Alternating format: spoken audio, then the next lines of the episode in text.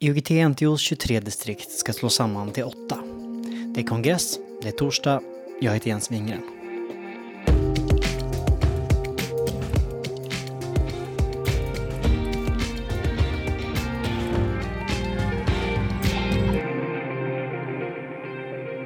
Dagens stora fråga var den del av Expedition 50 som handlar om distriktsindelning. Sammanslagningen av distrikt har varit en känslig fråga ända sedan Erik Wagner la fram sitt förslag på åtta nya distrikt förra sommaren. Och Erik Wagner var också den som öppnade dagens möte i rollen som presidiets ordförande. Det är någonting jag har under några år faktiskt velat hitta mötesordförande på just Erik Jentus kongress. Jag tycker det är roligt och just jag har suttit på massa andra organisationer också. Just Eritentio är ju min organisation, så det känns, det känns kul. Och eh, det blev ju ingen eh, ombudsskola idag, så du tar det lite allt eftersom här. Hur, eh, hur blir det? Ja, men vi hade, det hade vi tänkt ändå egentligen, att, att börja långsamt eh, ifrån ordföranden i gänget eh, och väldigt pedagogiskt och när det kommer nya moment att löpande liksom eh, förklara. Det är klart att här, fördelen om man hade haft en ombudsskola så hade man ju kunnat samla folk, folk hade kunnat testa på att tala stolen, man hade kunnat liksom lite mer fysiskt. Men vi hoppas och tror att, eh, att vi kommer kunna vara tydliga under resans gång eh, och att de allra flesta känner sig bekväma och trygga med vad vi håller på med. Idag så är det torsdag och eh, det är idag som distriktsindelningen ska avhandlas och det är du som har eh, utrett det här från första början. Hur, eh, hur känns det nu att det här ska liksom eh, tas till, till handlingarna? Det var ju för över ett år sedan som jag fick uppdrag från förbundsstyrelsen att åka runt eh, och prata med alla distriktsstyrelser eh, kring hur de såg på frågan och hur de ville att en indelning skulle vara och vilken roll distrikten skulle ha framöver.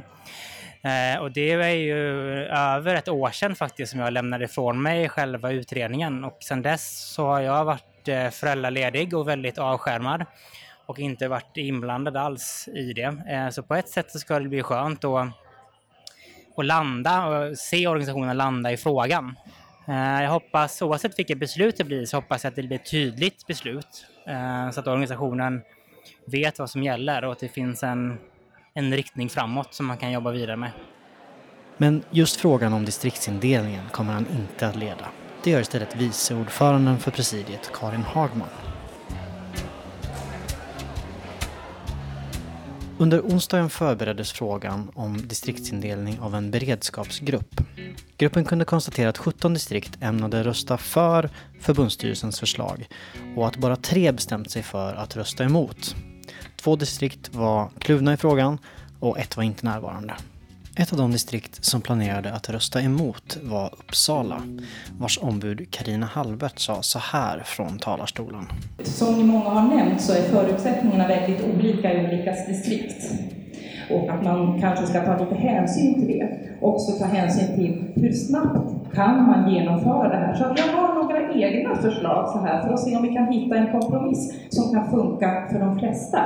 Jag föreslår att vi avslår första och andra att-satsen och istället beslutar att ge förbundsstyrelsen i uppdrag att under den kommande mandatperioden besluta om distriktssammanslagningar efter att berörda distrikt inkommit med ansökningar om sammanslagning.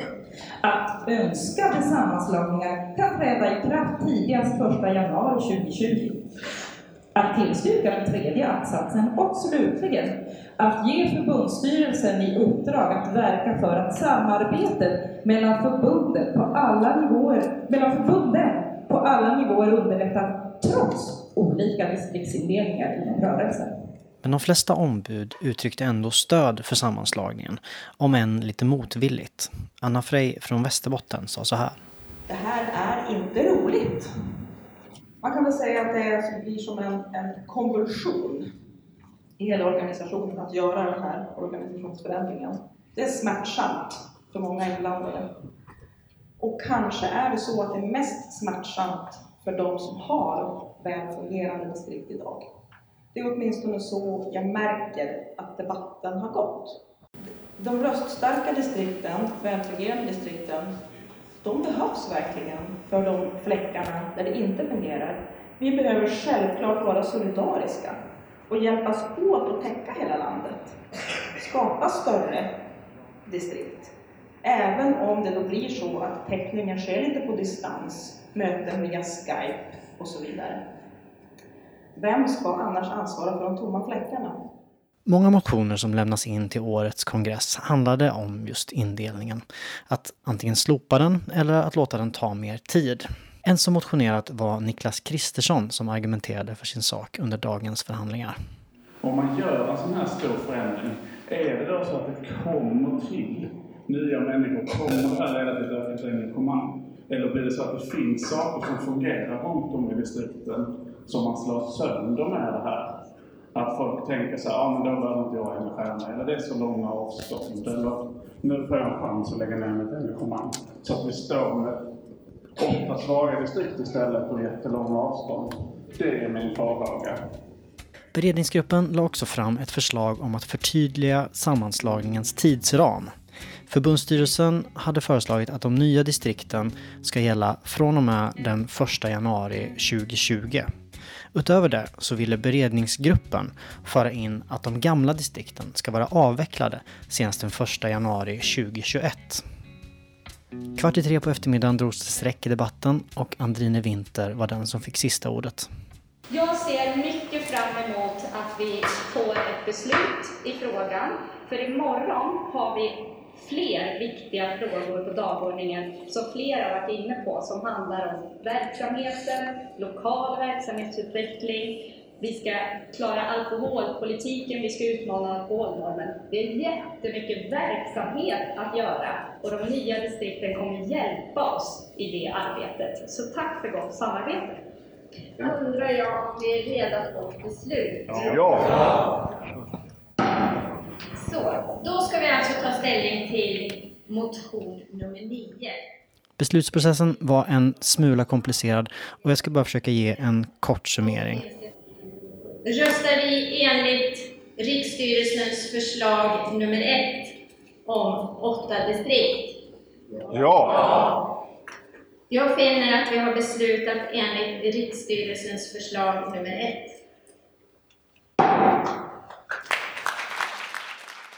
Efter att ha beslutat att distrikten ska finnas kvar och att de ska slås samman till åtta var det tidsfrågan som blev den mest nervkittlande omröstningen.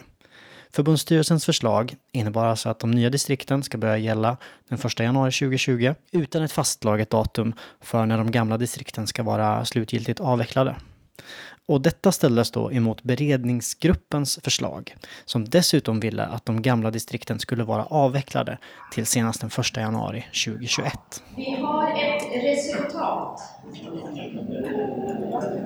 Jag finner att vi har beslutat enligt beredningsgruppens förslag.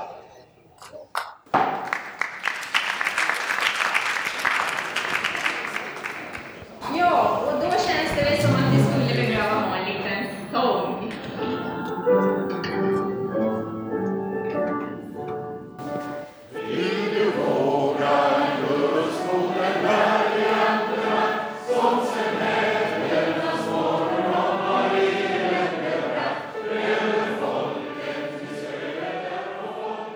Andrine Winter, vice ordförande i förbundsstyrelsen.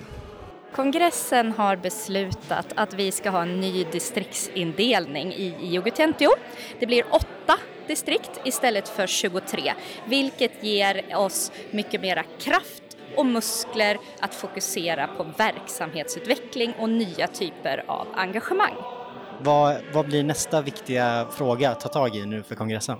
Vet du, redan imorgon så blir det en viktig fråga att ta tag i, nämligen vad vi ska vara för typ av organisation framåt. Och då är det jätteviktigt att jobba med bemötandet i vår organisation, både av oss själva, alltså medlemmarna i organisationen, och nya människor som vill komma till vår organisation.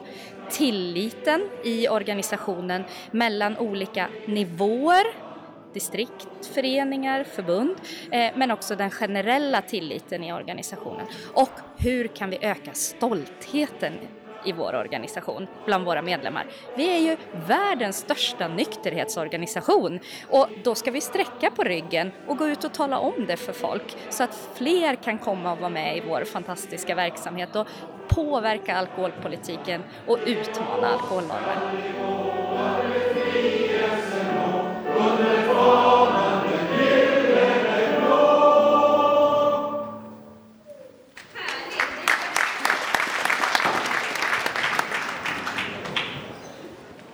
Det var allt för idag. Jag heter Jens Wingren.